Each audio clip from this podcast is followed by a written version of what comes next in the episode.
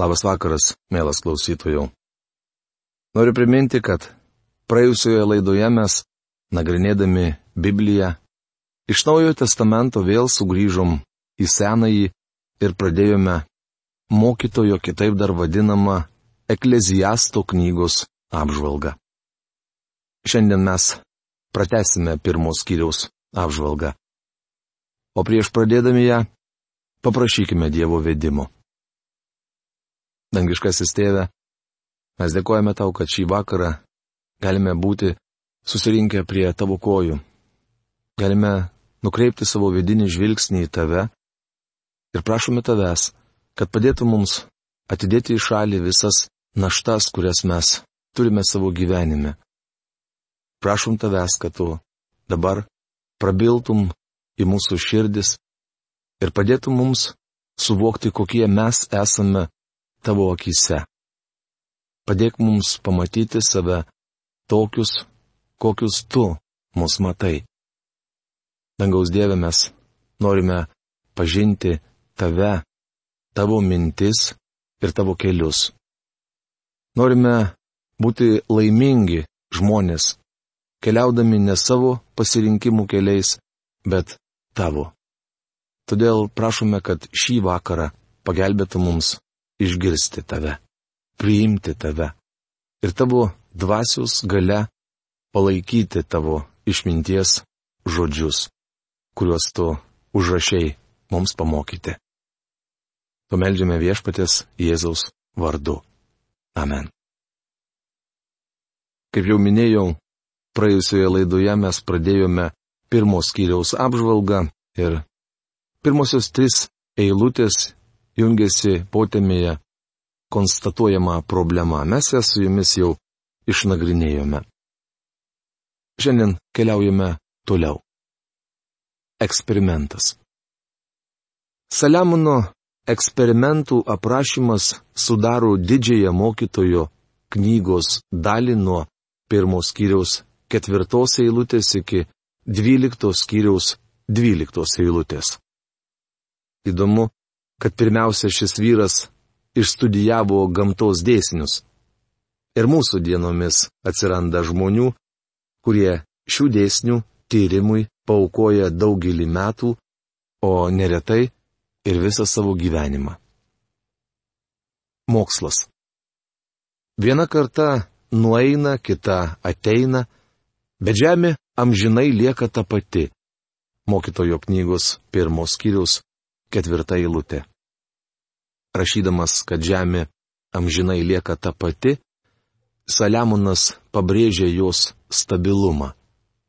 Gaila, bet žmogaus taip apibūdinti negalima, nes jis laikinas. Šio laikiniai žmonės šiek tiek skiriasi nuo vyresnės kartos. Ateityje gyvensiantys žmonės dar labiau skirsis nuo gyvenusiųjų senovėje. Tačiau visi skirtingais laikais gyvenantys žmonės panašus tuo, kad jie yra laikini. Žmonija išlieka tik todėl, kad nuolat atsinaujina. Prieš šimtą metų daugelio iš mūsų čia dar nebuvo, o po šimto metų jau nebebus. Iš tikrųjų, kai kuriems iš mūsų gyventi liko visai nedaug.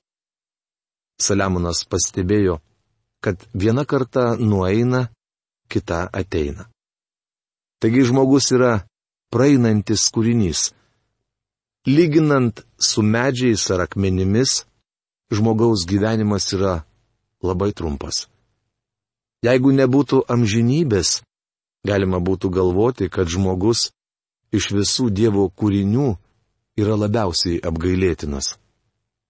Šiaurės Kalifornijoje raudonmedžiai auga daugiau kaip 2000 metų, tačiau palyginus su akmenimis, jie taip pat nauja kuriai. Geologai tvirtina, kad akmenys Žemėje guli milijonus, o gal net milijardus metų. Niekas tiksliai nežino, kiek metų yra mūsų Žemėje, tačiau aišku, kad kai Dievas apgyvendino joje žmogų, ji jau buvo sukurta.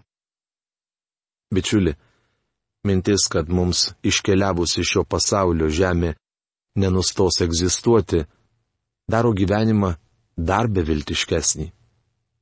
Taigi žmogus nėra tas, kuo mano esas.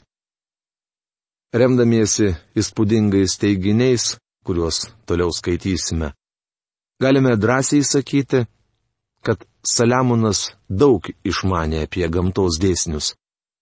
Jis aprašo pagrindinius dėsnius, kuriais ir dabar remiasi įvairūs mokslai. Saulė teka ir leidžiasi skubėdama į vietą, iš kurios pateka.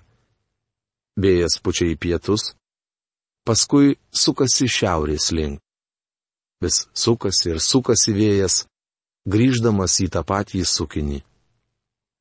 Visos upės nuolat teka į jūrą, tačiau jūra niekada nebūna pilna. Į vietą, iš kurios išteka, upės vėl suteka. Mokytojo knygos pirmos skyrius penkta septinta eilutės. Kaip minėjau, tokie tikslus pastebėjimai buvo užrašyti dar Saliamono dienomis. Daktaras Arturas Pirsonas šį faktą komentuoja taip.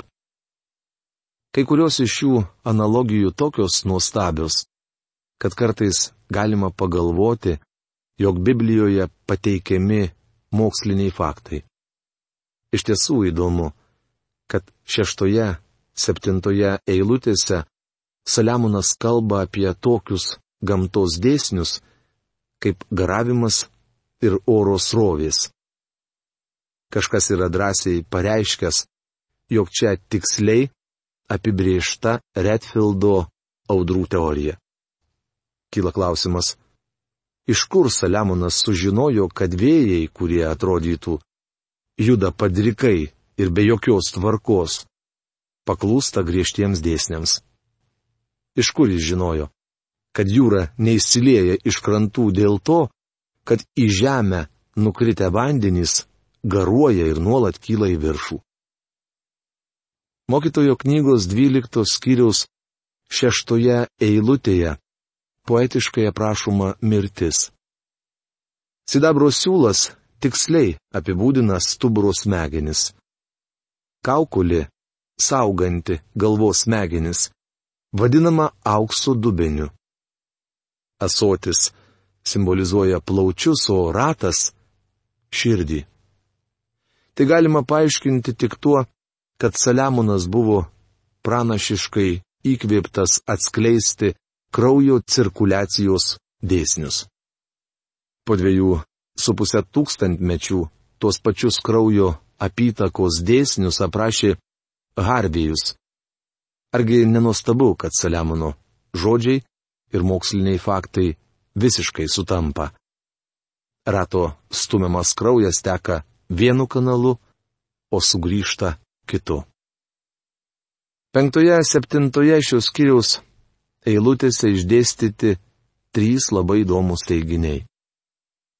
Pirmasis. Pirmiausiai Saliamonas pastebi, kad ryte saulė pateka, o vakare nusileidžia. Taigi gamtoje vykstantys procesai paklūsta griežtiems dėsniams. Nors jau seniai žinoma, kad saulės pakilimą ir nusileidimą sąlygoja Žemės sukimasis apie savo ašį. Kalbėdami apie šį reiškinį, vartojame žodžius tekėti ir leistis. Mums atrodo, kad Saulė kyla ir leidžiasi, nes po kojomis turime tvirtą pagrindą. Antrasis dėsnis - vėjas pučia į pietus, paskui sukasi šiaurės link. Akivaizdu, kad vėjas pučia tam tikrą tvarką. Prognozuojant oro permainas, visiškai tiksliai vėjo judėjimo numatyti neįmanoma net turint šiuo laikinę įrangą kadangi daugelį metų labai atidžiai klausydavau meteorologų prognozių. Galiu pasakyti, kad maždaug kas antras spėjimas yra ne visai tikslus. Viešpats Jėzus sakė, vėjas pučia kur nori. Tai reiškia, kad jis juda paklusdamas tam tikriems dėsniams. Evangelijos pagal Joną trečios skyriaus aštuntoje eilutėje parašyta, kad jo ošimą girdi, bet nežinai iš kur ateina ir kur link nueina. Tai reiškia, kad ne vienas žmogus negali pasakyti, iš kur jis ateina ir kur nueina. Praėjusi vasara Pietų Kalifornijoje buvo labai neįprasta. Dažniausiai birželio, liepos ir rūpjūčio mėnesiais čia niekuomet nelyja. Tačiau pernai pildavo kaip iš kibiro. Vieną vakarą važiuodamas automobiliu net nustebau, kad turiu įjungti priekinio stiklo valytuvus. Meteorologai praneša, kad vienur slėgis aukštas, o kitur žemas. Tai reiškia, kad oras juda, nes vėjas pučia kur nori arba, kaip sakė Saliamonas, vėjas pučia į pietus, paskui sukasi šiaurės link. Iš kur Saliamonas neturėdamas nei šio laikinės įrangos, nei kitokio pagrindo savo išvadoms, žinojo, kad vėjas pučia paklusdamas tam tikriems dėsniams. Ir trečiasis teiginys. Visos upės nuolat teka į jūrą, tačiau jūra niekada nebūna pilna. Išmintingasis Izraelio karalius savai žodžiais apibūdina vandens garavimo dėsnį. Drėgmė kyla į viršų, vėjas nuneša debesis virš sausumos ir lietus vėl krenta žemyn. Visą šį procesą sąlygoja tam tikri dėsniai. Niekas nevyksta šiaip savo, atsitiktinai, nors mums gali atrodyti kitaip. Taigi nuo ketvirtos iki septintos eilutės užrašyti trys nuostabūs teiginiai apie gamtos dėsnius, kuriuos galima iliustruoti dabar žinomais faktais. Palyginus šią šventojo rašto pastraipas su kitais dokumentais, parašytais tūkstantis metų prieš Kristų, paaiškėja, kad juose gausu daug neteisingų išvadų ir prietarų. Tuo tarpu Dievo žodis išsiskiria stulbinančių tikslumu norėčiau pateikti dar vieną įdomų Saliamono pastebėjimą. Visi dalykai labiau varginantys, negu žmogus gali pasakyti. Akis žiūrėdama nepasisotina, ausis klausydama neprisipildo. Mokytojo knygos pirmos skyrius aštunta eilutė. Anksčiau tai nebuvo taip akivaizdu, tačiau manau, kad atsiradus televizijai šių žodžių teisingumu niekas nebejoja. Daugelis žmonių prie televizorių praleidžia ištisas valandas. Kodėl? Todėl, kad akis niekada nepasisotina, o ausis niekada neprisipildo klausimo.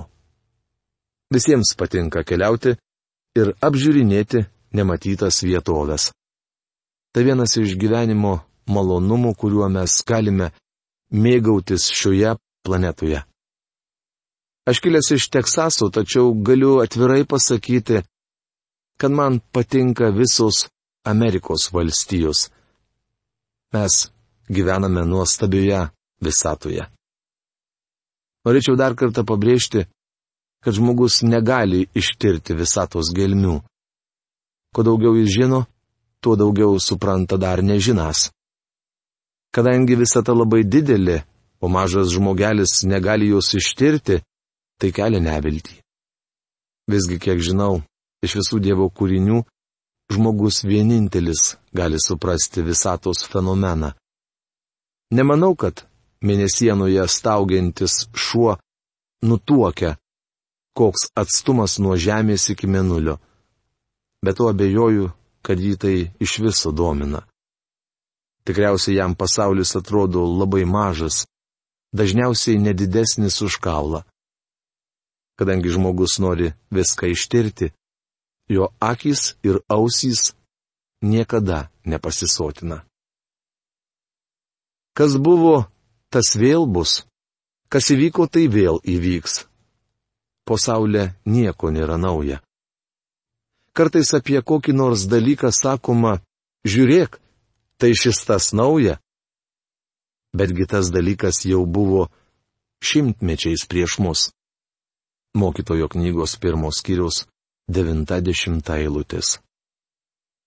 Sukūrę kokį nors prietaisą, žmonės galvoja, jog tai naujovė.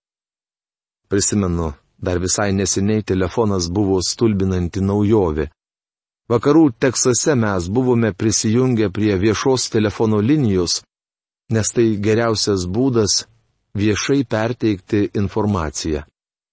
Paskambinę girdėdavome, kaip vienas po kito pakeliami rageliai.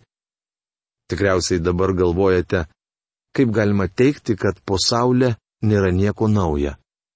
Juk vaizdo technika tobulėja ne dienom, o valandom. Jums leidus pateiksiu iliustraciją. Mano senelis pasipiršo savo būsimai žmonai senamadiškoje svetainėje ant senos arklio karčiais papuoštos sofos. Močiutė sutiko tekėti ir jėdu susitokė. Mano tėtis pasipiršo mamai traukinyje, kai jie susitiko keleivinėme vagone. Vėliau jėdu sėdo į arklio traukiamą vežimą, nuvažiavo į Tailerį ir ten susitokė. Aš pasipiršau savo žmonai Teksase, modviem sėdint automobilyje. Gali būti, kad mano mažasis anukas savo būsimai žmonai pasipirš lėktuve, o gal net erdvėlaivyje. Jūs tikriausiai pagalvojote, kad ši iliustracija patvirtina, jog pasaulyje yra daug naujų dalykų. Tačiau aš taip nemanau. Išgirdęs, kad jo pasiūlymas priimtas, mano senelis jautėsi taip pat, kaip jaučiausi aš, kuomet mano busimoji žmona sutiko tekėti. Tikriausiai lygiai taip pat jausis ir mano anūkas pasaulyje iš tiesų nėra nieko nauja. Aplinka gali pasikeisti, gali atsirasti naujų prietaisų ir įrengimų, tačiau iš esmės pasaulyje niekas nesikeičia. Keičiantis amžiams šiek tiek pasikeičia scenos dekoracijos, o žmogus išlieka visuomet toks pat. Sakoma, kad atominė bomba yra gana naujas daiktas. Iš tikrųjų, atomas senesnis už žmogų, nors ilgą laiką apie jo egzistavimą niekas nežinojo. Tyrinėdami mažus atomus žmonės sukūrė bombą. Manau, kad jūs visi gerai žinote, kokia katastrofa įvyktų, jei kas nors panaudotų šį ginklą. Tikriausiai manote, kad kompiuteris yra naujiena. Norėčiau pabrėžti, kad Dievas mus sukūrė su kompiuterinėmis smegenimis ir elektroninė nervų sistema. Akivaizdu, kad nei kompiuteris, nei koks nors kitas įrengimas nesuteikia žmogui gilaus ir ilgalaikio pasitenkinimo. Pasaulyje yra tik vienas naujas dalykas - gimimas iš naujo. Tai įmanoma tik tuo met, kai priimame Jėzų Kristų kaip savo gelbėtoją. Bičiuli, tai vienintelis naujas dalykas, kurį galime patirti. Kaip dabar netmenama buvusių dalykų, taip ateities dienomis būsiančių dalykų netmins vėliau gyvensantys žmonės. Mokytojo knygos pirmos skyrius, vienuolikta eilutė. Saliamonas bandė rasti pasitenkinimą, tirdamas gamtos dėsnius, tačiau priejo prie išvados, kad neatsimenama buvusių dalykų. Kitaip tariant, nors žmogus neresi iš kailio bandydamas išgarsėti, tačiau po kiek laiko vis viena lieka užmirštas. Ar prisimenate humoristus, sportininkus ar dainininkus, kurie buvo populiarūs prieš 50 metų? Ar galėtumėte pasakyti, koks prezidentas valdė pavyzdžiui, Junktinės Amerikos valstijas prieš pusę amžiaus. Mūsų atmintis gana trumpa. Šventajame rašte pasakyta, jog mūsų dienos žemėje yra tarsi atodusis ir prabėga nesugražinamai. Kaip matyti iš pateiktų pavyzdžių, Saliamonas gyvenimo laboratorijoje atliko didelius eksperimentus. Jis išbandė viską, kas buvo prieinama žmogui. užimamos pareigos ir gyvenamas laikmetis Saliamonui leido gerai ištirti bet kurią pasirinktą sritį. Nedaugelis šiandien galėtų pakartoti tai, ką darė Saliamonas.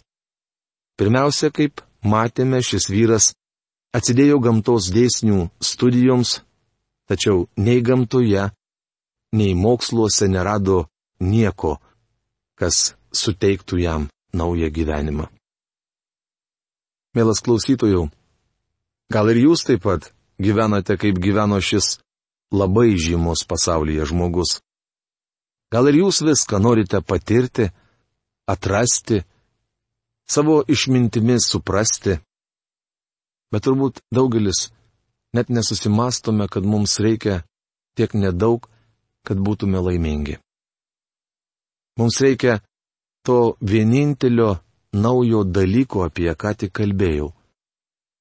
Mums reikia suprasti, kad mes savo prigimtimi esame pražuvę Ir kiekvienam iš mūsų gyvenime reikia padaryti svarbiausią sprendimą - atsiversti nuo mūsų seno mąstymo ir leisti Dievui ateiti į mūsų gyvenimą kaip viešpačiui ir valdovui. Mielas klausytojau, mes turėtume suprasti, kad kurėjo akise mūsų mintys ir darbai dažnai yra niekingi, neteisingi. Raštas rašo, kad mes esame paklydę, nukrypę nuo Dievo. Ir vienintelis, kuris tai gali atlikti, tai tik tai pats Dievas, nes Jis pats parūpino mums išgelbėtoje, atsiūsdamas savo sūnų Jėzų, kuris tobulai padarė tai, ko negalėjo ir neturėjo padaryti nei vienas kitas žmogus. Jis ta tobula auka ant jo buvo mestos visos žmonių nuodėmės. Ir kiekvienas tikintis, praktiškai tikintis, tuo, ką Jėzus padarė dėl mūsų, už mus, vietoj mūsų, gali būti šiandien naujų kūrinių. Amžiams atgimdytų į Dievo šeimą. Mano palinkėjimas, kad jūs padarytumėte tą sprendimą šiandien, galbūt netgi dabar, ten, kur esate. Išpažintumėte savo nuodėmės, kad patys negalite atleisti jų ir paprašytumėte, kad viešpats Jėzus atleidęs jums jas ateitų ir įsiviešpatautų jūsų širdyje. Toliau Saliamonas ėmėsi tyrinėti išminties ir filosofijos rytis. Bet apie tai mes su jumis kalbėsime kitoje mūsų laidoje. Šios dienos laidos laikas baigėsi. Iki malonaus susitikimo. Sudė.